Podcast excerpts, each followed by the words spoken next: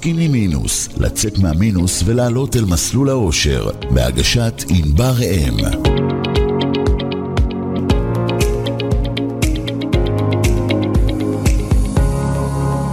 שלום לכולם, אה, צהריים טובים, אני ענבר ראם ואנחנו ברדיו סול.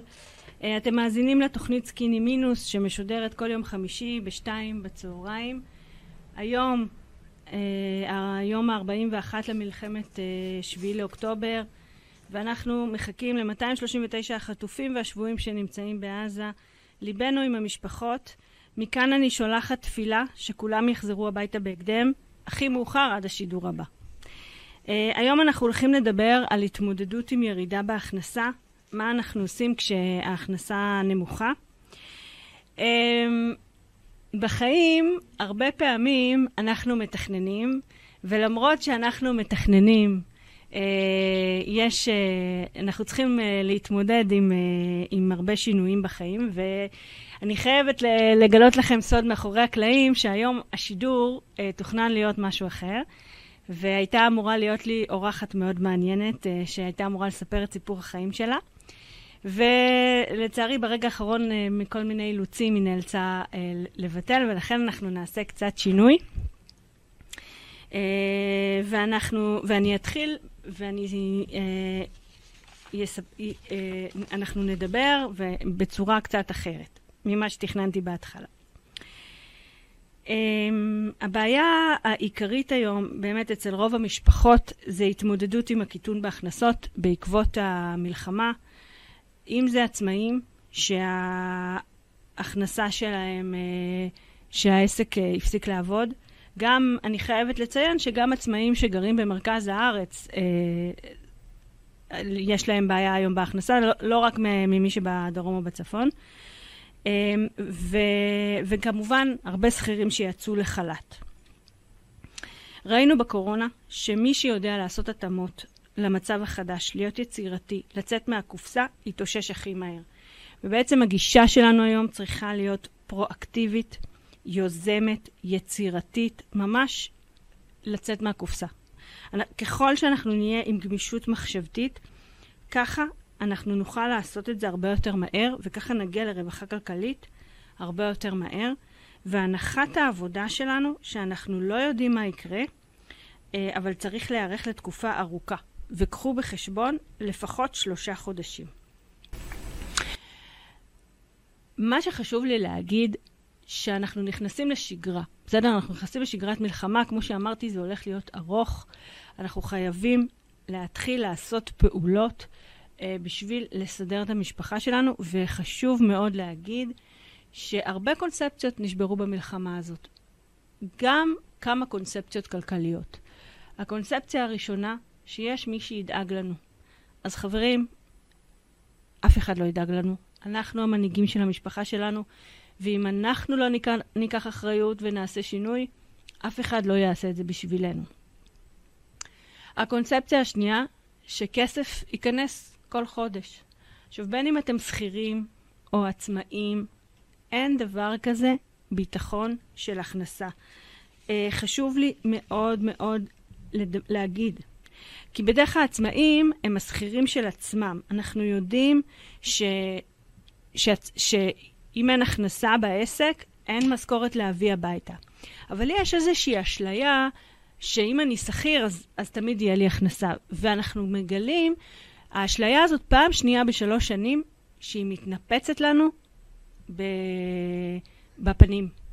ולכן אנחנו חייבים, זה, בין אם אתם שכירים או בין אם אתם עצמאים, אנחנו חייבים שתהיה לנו קרן חירום שתגבה אותנו שלושה חודשים במקרה שאין הכנסה, ואנחנו חייבים שיהיה לנו גיבוי של הכנסה דרך השקעות ודרך נכסים פסיביים. הקונספציה השלישית שנז... ש... שבעצם אה, התנפצה לנו בפנים זה שזה בסדר לחיות על האין. ואם יש משהו חשוב שאנחנו מבינים עכשיו, זה שביטחון כלכלי זה ביטחון אישי, וחוסן כלכלי זה חוסן אישי. אל תחיו על מינוסים והלוואות, אל תחיו על האין, ויש, אנחנו צריכים לעשות את השינוי עכשיו, אוקיי? אוקיי. עכשיו, כמו שפתחתי ואמרתי, היום אנחנו, אני רוצה לדבר על התמודדות עם, עם הקיטון בהכנסה, כי זאת הבעיה הכי גדולה של רוב האנשים היום. וקודם כל, אה, אז איך אנחנו מתמודדים מעבר לשינוי התפיסתי שדיברנו עליו.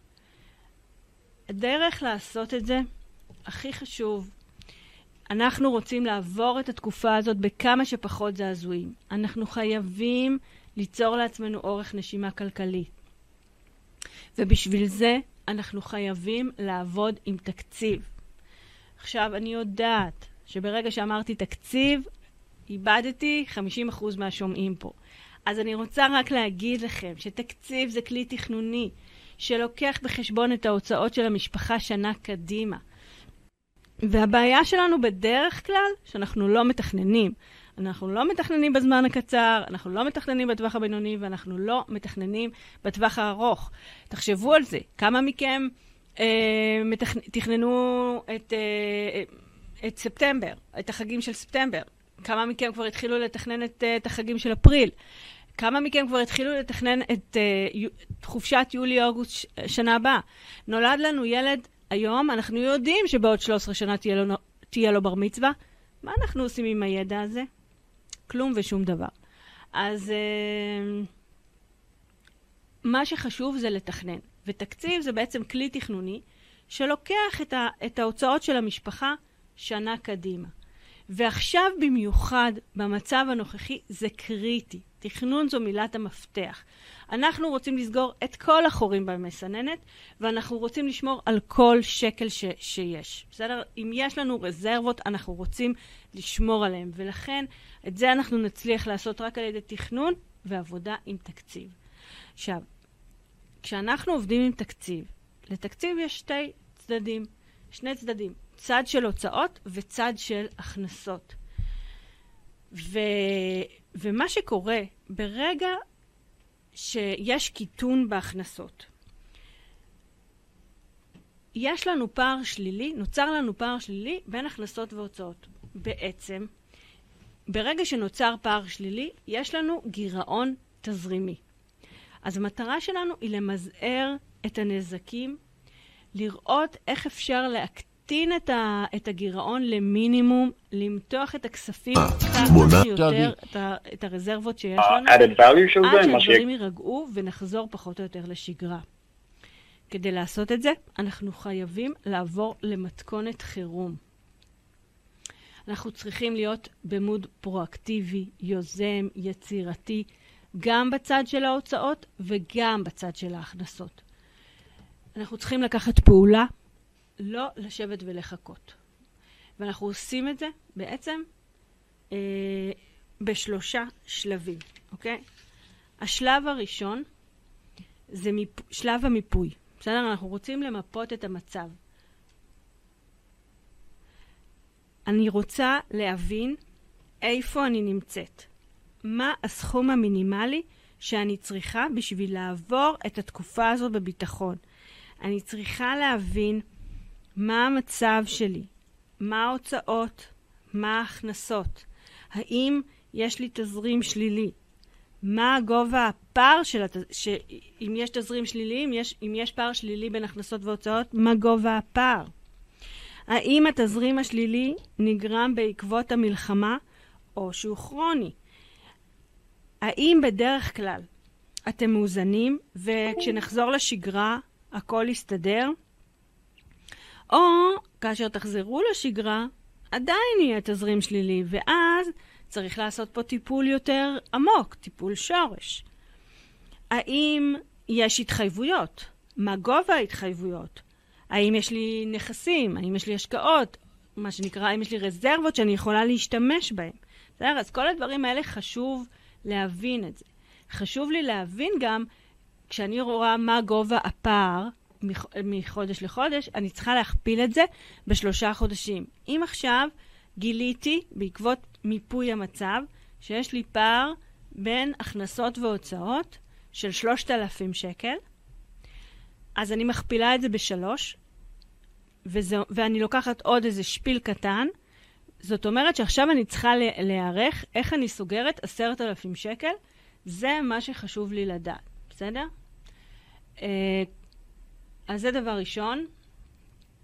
כשאני רוצה בעצם למזער את הנזקים, אני רוצה להתכונן למצב מראש. אם אני יודעת עכשיו שאני צריכה עשרת אלפים שקל, אני רוצה להיערך לזה מראש, אני רוצה לסגור את הפער, או לפחות לצמצם אותו כמה שניתן. כי, גם, כי אם נניח שאני אעשה עכשיו פעולות, ואני אצליח לסגור את הפער מ-3,000 שקל ל-1,500 שקל, אז אני כבר לא צריכה 9,000 שקל, אני צריכה כבר 4,500 שקל, וזה כבר, ובעצם זה, זה עוזר לי. אז אני רוצה אורך נשימה, בסדר? ואני רוצה שאם יש לי רזרבות, אם יש לי כספים, אני רוצה לשמור עליהם כמה שאפשר. אז זה המיפוי, זה השלב הראשון שאותו אני צריכה לעשות. השלב השני, אחרי שמיפיתי את המצב, זה לבנות תוכנית פעולה. באופן עקרוני, איך אני בונה תקציב? קודם כל, אני מתחילה בהכנסות. תמיד אני מסתכלת מה, צד, מה הצפי של ההכנסות. ואז אני בוחנת מה ההוצאות הקבועות שלי. מה זה הוצאות קבועות? משכנתה, שכירות, גן לילד, צהרון, ארנונה, מים, חשמל, קופת חולים, ביטוחים, הלוואות, חסכונות שיורדים בהוראת קבע. זאת אומרת, כל מה שהוא בהוראת קבע ויורד באופן קבוע. אז אני צריכה לסכום את זה ולדעת מה ההוצאות הקבועות שלי. ומה שנשאר זה להוצאות המשתנות. הוצאות משתנות זה אוכל, דלק, אה, קוסמטיקה, ספר, בילויים, מסעדות, משלוחים, כל הדברים האלה. אז בעצם יכולת המשחק שלי, אם תחשבו על זה, היא בהוצאות המשתנות. שם יכולת המשחק שלי. כש... עכשיו, כשההכנסות קטנות, אני חייבת להוריד הוצאות.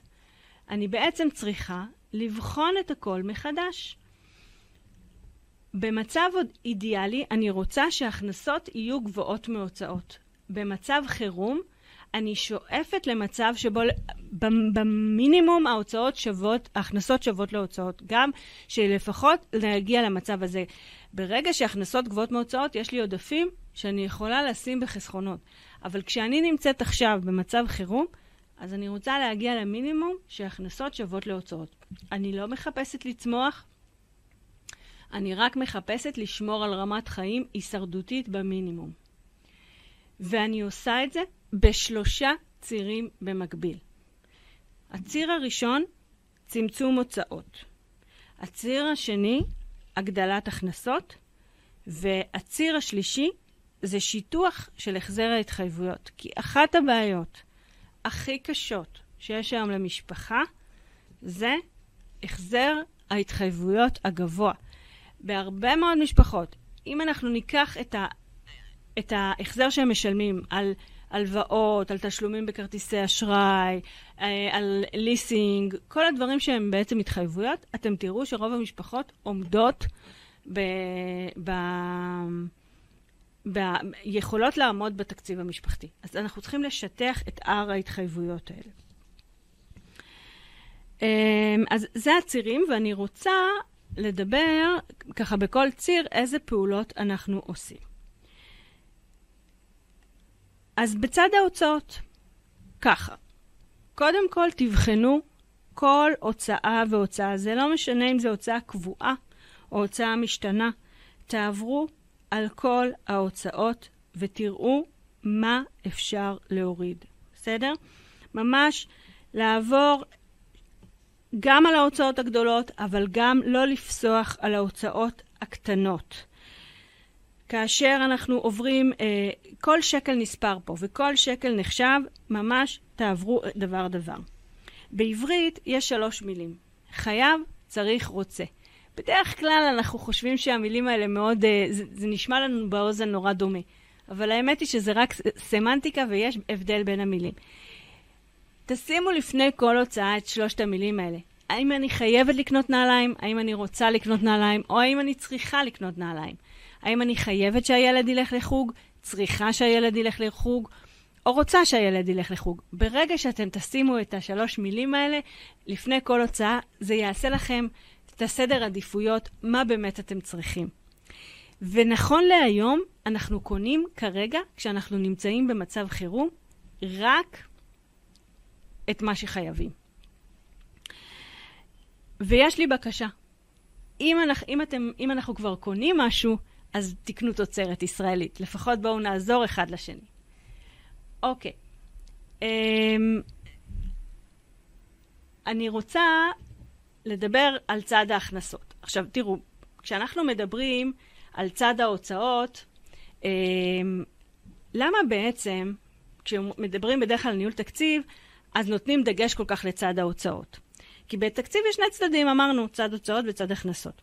העניין הוא שהוצאות זה כמו שיבר, זה ברז. ואני, הכי קל לי לסגור את השיבר, לסגור את הברז. זה בשליטתי.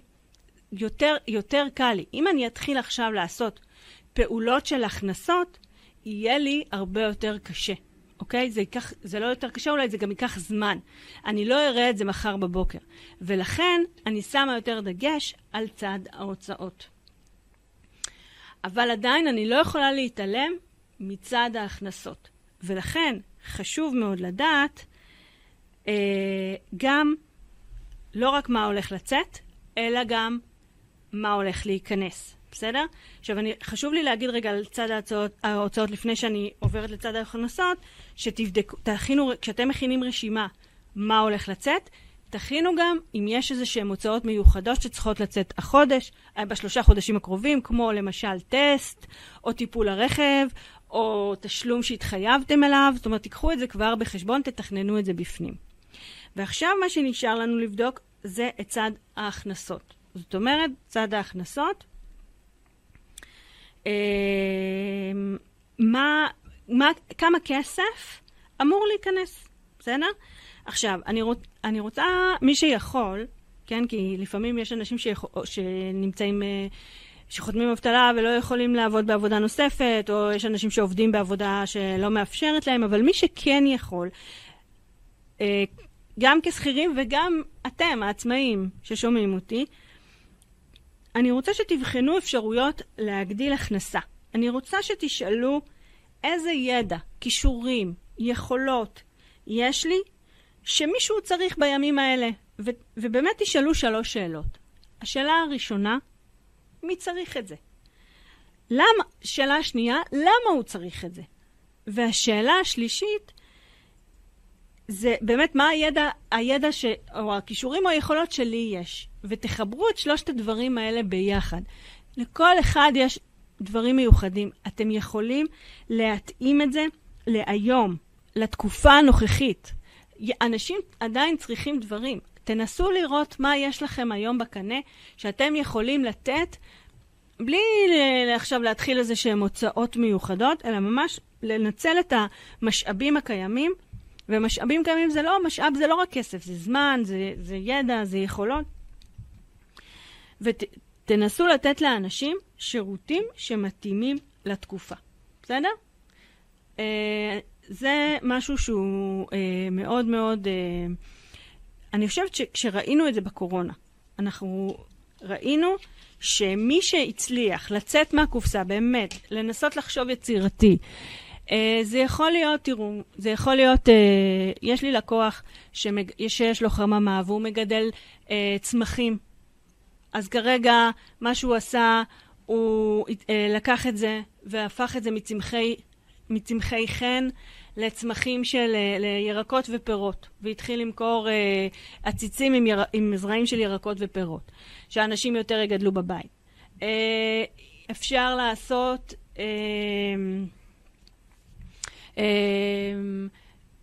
יש לי לקוחה שיש לה ידע כאחות אז, אבל היא לא יכולה לעבוד במקצוע הזה, אז מה שהיא עשתה, התחילה לתת ייעוץ רפואי בכל מיני תחומים. זאת אומרת, יש לנו תמיד, לכל אחד מאיתנו יש את הידע ואת היכולות שאנחנו יכולים להשתמש בהם. הדבר השלישי, דיברנו על, על, על השלבים שצריך לעשות כדי לבנות תקציב חירום, ואני אזכיר לכם שדיברנו על המיפוי ולבנות תוכנית פעולה, ועכשיו מה שבאמת נשאר לנו לעשות זה אחרי שבנינו תוכנית פעולה, לעשות מעקב ובקרה. לעשות את זה ב... ב, ב באופן קבוע ושוטף כל שבוע. אנחנו חייבים לוודא שהחורים במסננת נסגרו, ואנחנו חייבים לוודא שכסף לא נוזל לנו. ואני חייבת להגיד לכם ש... שרוב המשפחות נופלות כאן. זאת אומרת, בדרך כלל החלק הכי קשה, הכי סיזיפי, הכי שחור, הוא במעקב ובקרה, ושם גם הולך לנו הכי הרבה כסף. אז אה, לא לוותר גם על השלב הזה, כי שם השלב שבו אנחנו באמת נראה. בנינו תוכנית פעולה. אנחנו רוצים לדעת שאנחנו נעבור את התקופה הזאת בשלום. אז, ולכן זה ממש, זה ממש קריטי לעשות את זה, כי, אנחנו רוצים לוודא שכל החורים במסננת סגורים, ששום שקל לא הולך לאף מקום שאנחנו לא רוצים, ושהכול מסודר. אה, אז ככה, זה הדרך שלנו לבנות תקציב חירום. אנחנו נעשה הפסקה מתודית של שיר ונמשיך בשידור.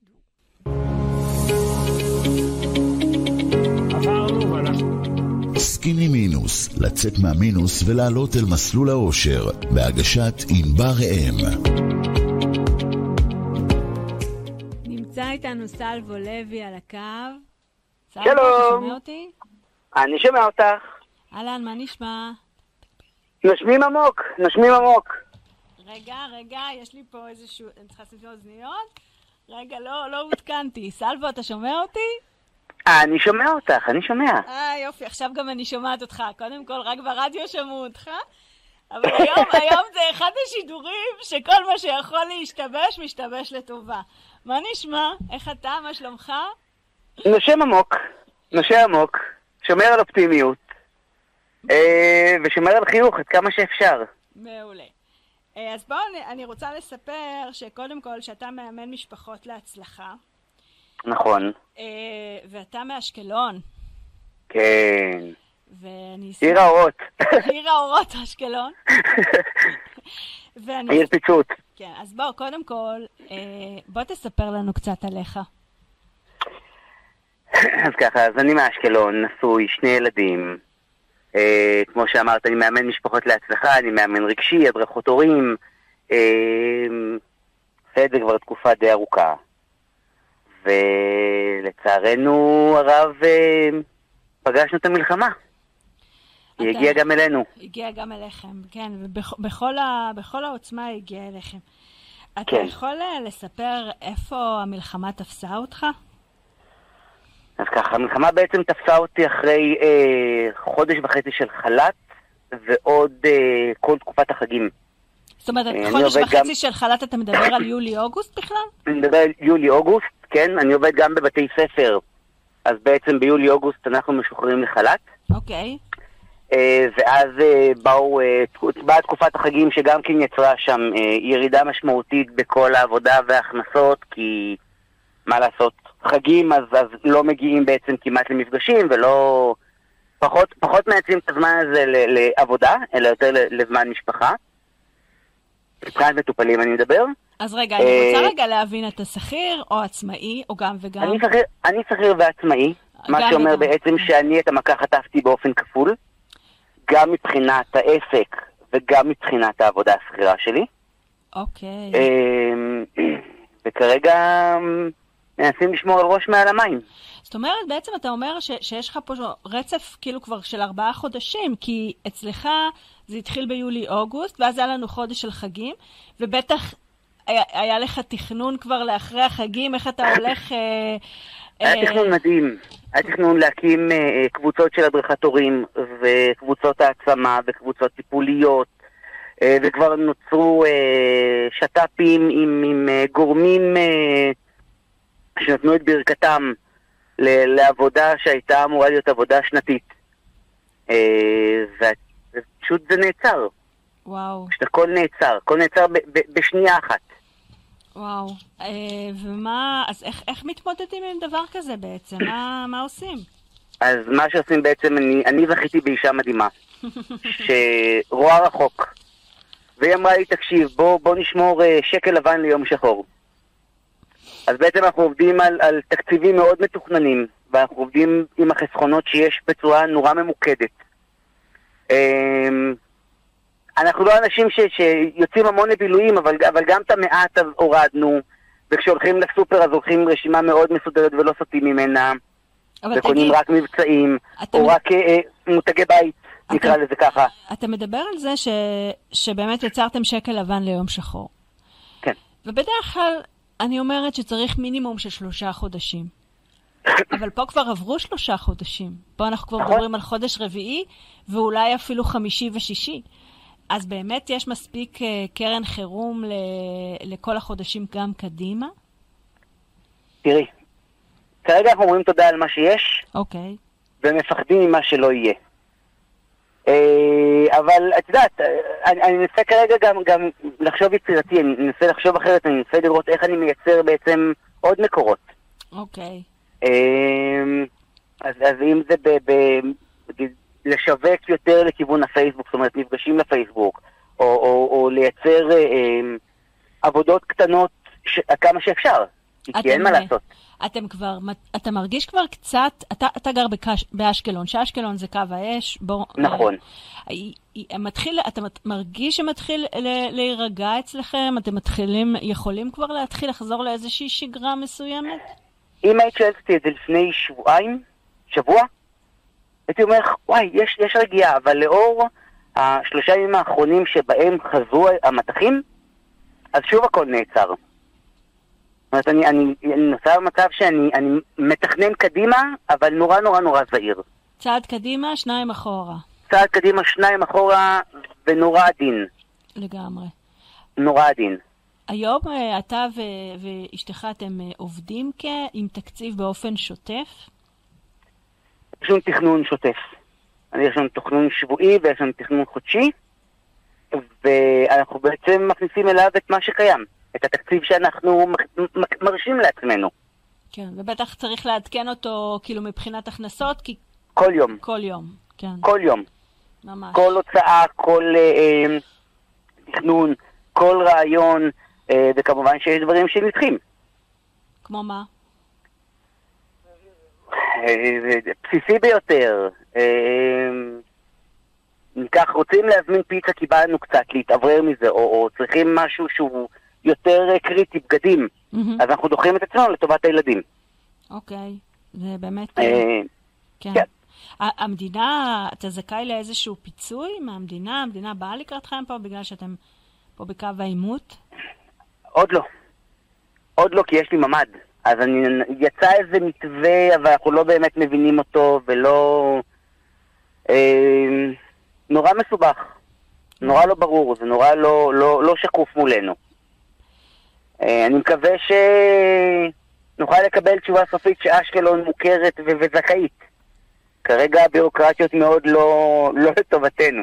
הבנתי. תגיד, אה, סלבו, אה, מה, מה, מה, בכל זאת אתה מנסה היום, לאור המצב ה, ה, הב- הקיים, בסדר? אנחנו נמצאים באיזושהי סיטואציה ש, של שגרת חירום שהיא הולכת להיות ארוכה, וייקח זמן עד שנחזור, בטח ובטח איפה שאתם גרים. יש איזה דבר, מה, איך התאמת את המוצרים שלך לאור המצב הנוכחי? אז בעצם במקום מפגשים פרונטליים עברתי למפגשי זום. אוקיי. איפה שאפשר, הדרכות הורים בזום, מפגשים עם מטופלים בשיחות העצמה אה, בזום. אתה גם אה, אה, מדריך אה, של נוער, נכון? או של ילדים? נכון. אני עובד גם עם ילדים וגם עם נוער, ובעצם גמישות מחשבתית מחויבת פה במצב הזה. אז אה, אתה פשוט מתחיל לעבוד אה, זומי. כן. אתה עובד גם, זומי. אתה עושה גם הדרכות הורים, אה, איך להתמודד עם, ה, עם המצב הנוכחי? ל... כן, ל- נותן כלים, אני נותן את הכלים, אני, אני נותן את ההסבר, אני מלווה את ההורים שכרגע זקוקים. אה, מה שאפשר, איפה שאפשר. אתה, יש לך סדנאות או שאתה עושה טיפולים פרטניים? איך זה עובד? אז יש לי גם סדנאות הורים. יש לי סדרת קבוצתיות? סדנאות ש... אה, סליחה, לא הבנתי? סדנאות קבוצתיות? סדנאות קבוצתיות וסדנאות פרט, אה, פרטניות אה, להורים, לילדים, למשפחות, לכל מי שזקוק בעצם. לכל מי שמרגיש צורך, יש, יש מענה. והסדנאות האלה היום הם בזום? הסדנאות בזום, אוקיי. אה, למי שלא נמצא באזור אשקלון, בזום, למי שנמצא באזור אשקלון, אה, אז בימים הרגועים אה, זה יכול להיות גם פרונטלי, אבל נכון לעכשיו זה יהיה בזום. תגיד, אה, היום אתה... אם אני גרה במרכז הארץ, זאת אומרת, אתה יכול לתת לי מענה גם, גם בזום, אתה אני, פיזית לידך כדי לקבל לא, לא. מענה רגשי. לא, לא, ממש לא. אפשר לנהל את השיחות, אה, ותקבלי את כל הכלים שרק תצטרכי ממני. מעולה. אז בוא, בוא, ככה לסיום, בוא תספר לנו, אתה נמצא פה ברדיו והרבה אנשים שומעים אותך. אה, איך, איך אנחנו יכולים לעזור לך? בוא תספר אה, ככה, מה, מה... אז אם אתם מכירים מישהו, או אתם זקוקים להדרכת הורים, להדרכת ילדים ונוער, איך קצת להתמודד עם הפחדים, איך קצת להתמודד עם החששות, איך להעצים את הילדים, איך להעצים את עצמכם, אה, אני פה, מוזמנים לפנות אליי. אה, מוזמנים לפנות אלייך, או דרך דף הפייסבוק שלי, אה, סלבו לוי, מאמן משפחות להצלחה. וכמו שאני תמיד אומר, אם הקשבתם לי עד עכשיו, אז השינוי מתחיל עכשיו. אתם מדהים. מוזמנים באהבה. סלווה, לפני שניפרד, אתה מאמן אנשים להצלחה. אז נכון. בוא תיתן לנו טיפ זהב. אנחנו כולנו נמצאים בתקופה מאוד מאוד מאוד קשה. וככה, אתה יודע, זו תקופה שקיבלנו טראומה. תן לנו טיפ זהב, איך אפשר להתמודד, איך אפשר בכל זאת לצאת מהשינוי. אז אני אתן, אז אני אתן שני טיפים. היא מעולה, עוד יותר טוב. הראשון הוא מה שכולנו מכירים, אבל אף אחד לא זוכר לעצור- לעשות, זה לעצור ולנשום. אוקיי. הפחד שלנו והחרדות שלנו בשלב הראשוני מתעצמים כי אנחנו לא נושמים. אנחנו עוצרים את הנשימה והגוף בעצם נכנס לבלבול מאוד גדול. לסטרס. לחלוטין. הטיפ השני שאני אני נותן זה שאנחנו לא יכולים לשלוט על מה שהיה ואנחנו לא יכולים לשלוט על מה שיהיה. אנחנו יכולים לשלוט על הכאן ועל עכשיו. ואם כל יום תראו דבר אחד טוב אצלכם, אצל הילדים, בסיטואציות שקורות לכם, אתם תגיעו למצב של שליטה הרבה יותר גדולה, הרבה יותר טובה, וכשיש שליטה, אז גם הפחד והחרדה קצת פוחתים. מדהים. תודה רבה רבה רבה. אני ממש תודה לך. מודה לך שעלית ושיתפת אותנו אה, גם ענק. בטיפים המדהימים האלה וגם ב... וגם ב... תנסו, בקושי. תנסו בבית ותכתבו לי אם הצלחתם. יאללה. מדהים. שיהיה יום מעולה ושקט שיהיה יום לכולנו. מעולה, שיהיה לכם שקט, בשורות טובות. הלוואי. תודה, ואנחנו, תודה. אה, ותודה רבה לך, סלבו. שיהיה המשך יום תודה שקט. לך. ביי. יום שקט. ביי ביי.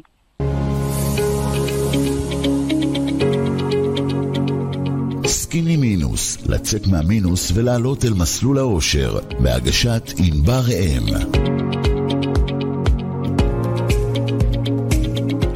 תודה שחזרתם אלינו.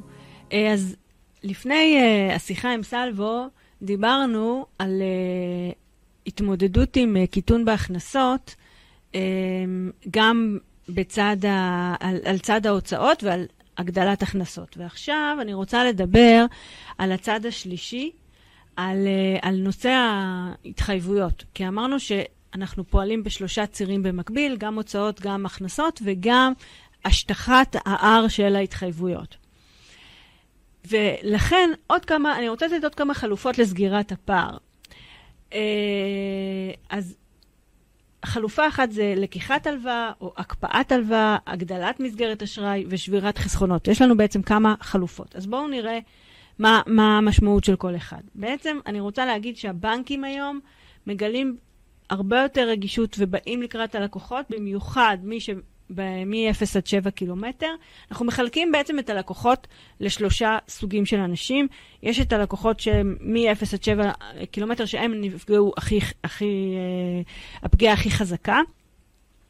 הלקוחות השניים זה לקוחות שהם עד 40 קילומטר, נוסיף אליהם את מפוני הצפון ונוסיף אליהם את, את, הצו, את האנשי מילואים צו 8, שגם פה אנחנו מבינים שצריך לבוא לקראתם, ולכן יש אה, אה, גמישות מאוד גדולה והרבה דברים שבאים, אה, שהבנקים באים לקראת ונותנים פתרונות.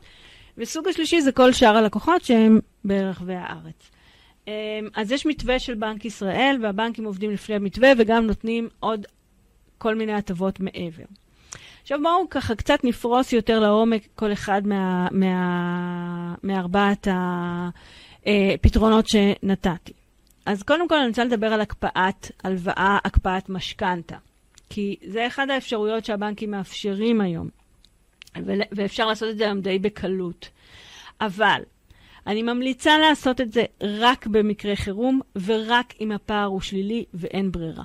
מי שיש לו ברירה, מי שמסוגל לעמוד בתשלום, אני ממש לא ממליצה לעשות את זה. אני ממש לא ממליצה לדחות לא הלוואות ולא משכנתאות. למה? בואו נניח שאתם משלמים עכשיו 5,000 שקל החזר חודשי לחודש למשכנתה. אז שלושה, אם דחיתם בשלושה חודשים, אנחנו מדברים על 15,000 שקל. סבבה, תדחו את התשלום, אין בעיה. הבנק פורס לכם את זה מחדש, את כל התשלום הזה. בדרך כלל הוא פורס על יתרת חודשי המשכנתה. אה, יש, יש לכם גם אפשרות אה, לחלק, אמרתי לכם, זה מחולק לשלושה, אז בחלק מהמקרים אפשר לפרוס את זה על פני הלוואה לאר, לארבע שנים, אה, ומתחילים לשלם אותה בעוד שנה. אז בעצם ההחזר של 5,000 שקל, בלונג רן, מה שיקרה שהוא יגדל. הוא יגדל בכמה עשרות עד מאות שקלים, בין 100 לנגיד כמה עשרות שקלים, או עד 100, 200, 300 שקל. זה לא משהו דרמטי שאתם לא יכולים לעמוד בו. אבל הלוואות ומשכנתאות אנחנו משלמים בשיטת שפיצר. שיטת שפיצר אומרת שסכום ההחזר הוא סכום קבוע. ובעצם הסכום בפנים, אנחנו רואים סכום אחד שיורד בבנק, אבל הסכום בפנים מחולק לקרן וריבית, והבנק לוקח בהתחלה חלק יחסי גבוה של הריבית וחלק קטן יותר של הקרן. זאת אומרת, ורק בחצי חיי ההלוואה זה מתהפך. אז ככה שאם אתם בעצם עושים פריסה, או אם אתם דוחים הלוואה, אתם כבר שילמתם את הריבית. אתם, אתם כבר, אתם, בעצם מה שאתם עושים, אתם עכשיו דוחים שוב פעם, אה, פורסים מחדש כסף שאתם כבר שילמתם עליו את הריבית, ועכשיו הכסף הזה יצטבר בחזרה למה שאתם צריכים לשלם, והריבית שאתם תשלמו לאורך חיי ההלוואה בעצם מתייקרת בכמה אלפי שקלים. אז בהחזר החודשי אתם לא תרגישו את זה בצורה דרמטית, זה לא, זה לא נורא, אבל איפה שאתם תרגישו את זה, זה בעצם ב, ב, ב, ב, בגובה ההלוואה או בגובה הריבית, עצ... המשכנתה עצמה, שזה יתייקר לכם באלפי שקלים. ולכן, אה, אנחנו, אם אתם מסתדרים, עדיף לא להקפיא. והסיבה שהתחלתי במיפוי המצב, כדי להבין מה גודל הפער, הוא כדי שגם אם אתם שוקלים להקפיא הלוואה, אז תבדקו, אולי, אה, אולי יספיק רק אם תקפיאו מסלול אחד במשכנתה, או אם יש לכם חמש הלוואות, מספיק שתקפיאו הלוואה אחת, אולי זה גם ייתן את הפתרון, בסדר? אמ, וחשוב לוודא שאם אתם עושים את המהלך הזה, אתם באמת פותרים את הבעיה לחלוטין, אה, ושאחר כך, אחרי המהלך הזה, הכנסות יהפכו להיות גבוהות מהוצאות, או כמו שאמרנו, לפחות שוות להוצאות. אפשרות נוספת שקיימת לכם זה לקיחת, אה, זה לקיחת הלוואה חדשה. בעצם אנחנו אומרים, אוקיי, נניח שיש לי פער של 3,000 שקל בין הכנסות והוצאות, שלושה חודשים זה 9,000 שקל, אז אני אקח עוד איזה שפיל קטן ליתר ביטחון, אם יבוא בלטם, ואני אקח 10,000 שקל הלוואה. אבל שימו לב, הלוואה צריך להחזיר. ובעצם ברגע שלקחתי הלוואות, הלוואה זה הגדלתי את ההוצאות, כי יש החזר חודשי.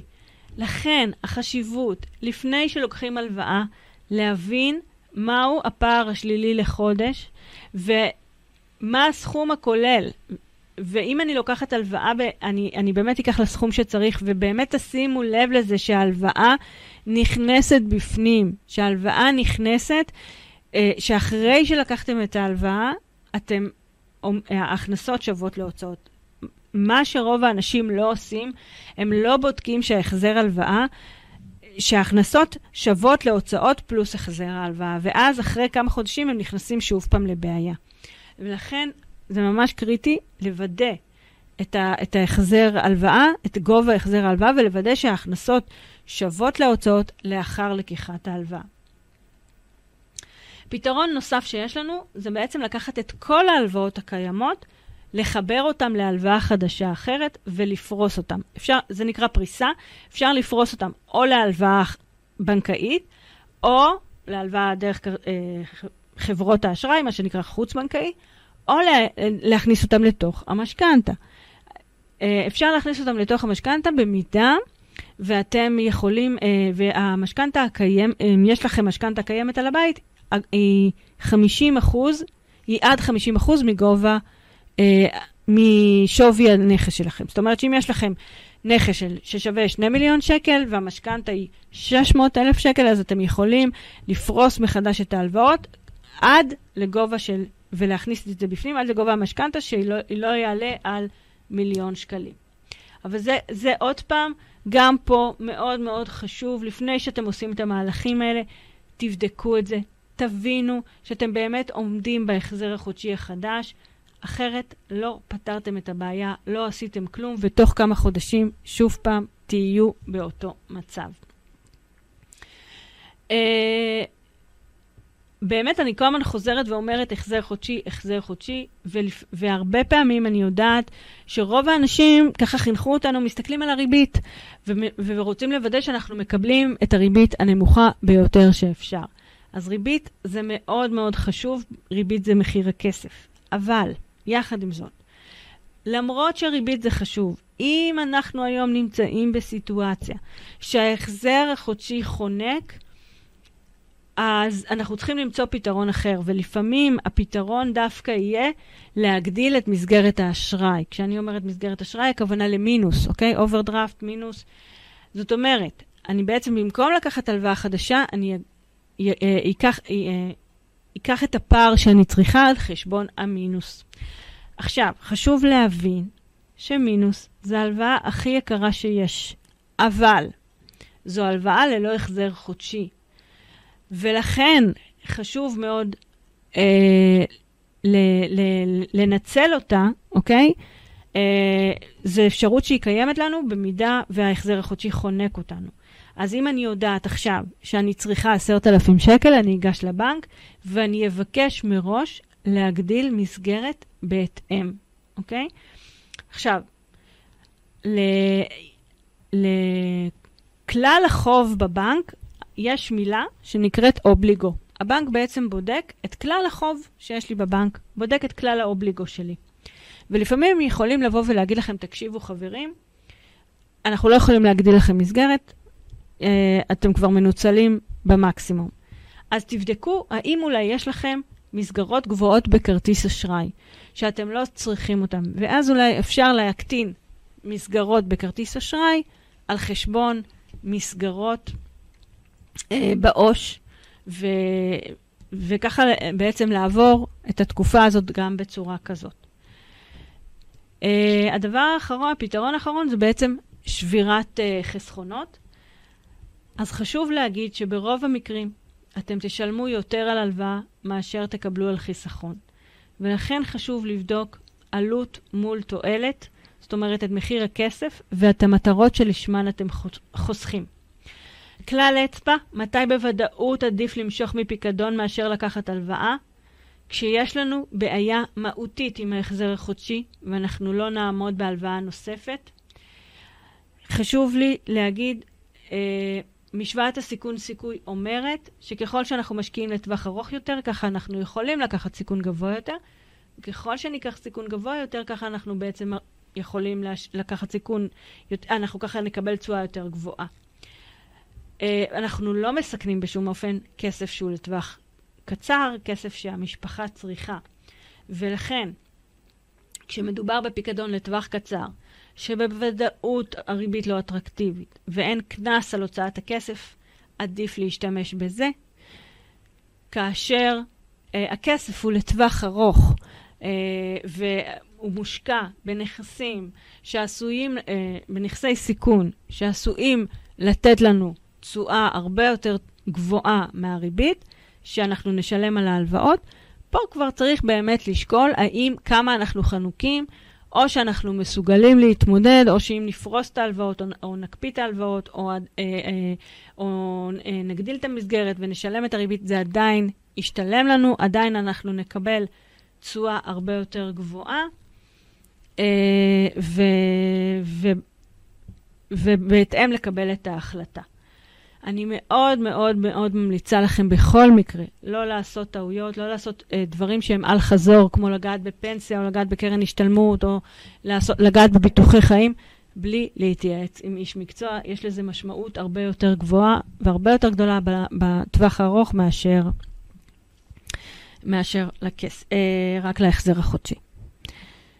לסיום, נקודה מאוד חשובה למחשבה שאני רוצה שתצאו מהשידור היום. זו פעם שנייה בשלוש שנים שהגענו למצב שאנחנו בעצם בסיטואציה שאין ביטחון בהכנסה ואנחנו באוויר. מחקרים מראים שהוצאה חד פעמית לא צפויה של 8,000 שקל יכולה להביא משפחה לקריסה, ואני אומרת לכם בוודאות שעכשיו, גם אחרי הקורונה וגם עכשיו, לא, זה לא חייב להיות אה, הוצאה, זה יכול להיות גם אי הכנסה. ולכן, אנחנו חייבים ללמוד את הלקח, אנחנו חייבים לדאוג שיהיה לנו קרן חירום, אנחנו חייבים לדאוג לעצמנו, אף אחד לא יעשה את זה בשבילנו, ואנחנו חייבים להתחיל לעשות את השינוי עכשיו, היום. לא לחכות למחר, לא לחכות לאחרי המלחמה, היום. כי אף אחד לא יעשה את זה בשבילנו. תודה רבה שהאזנתם. להתראות ביום חמישי הבא בשעה שתיים. שיהיה לנו המשך יום שקט ובשורות טובות.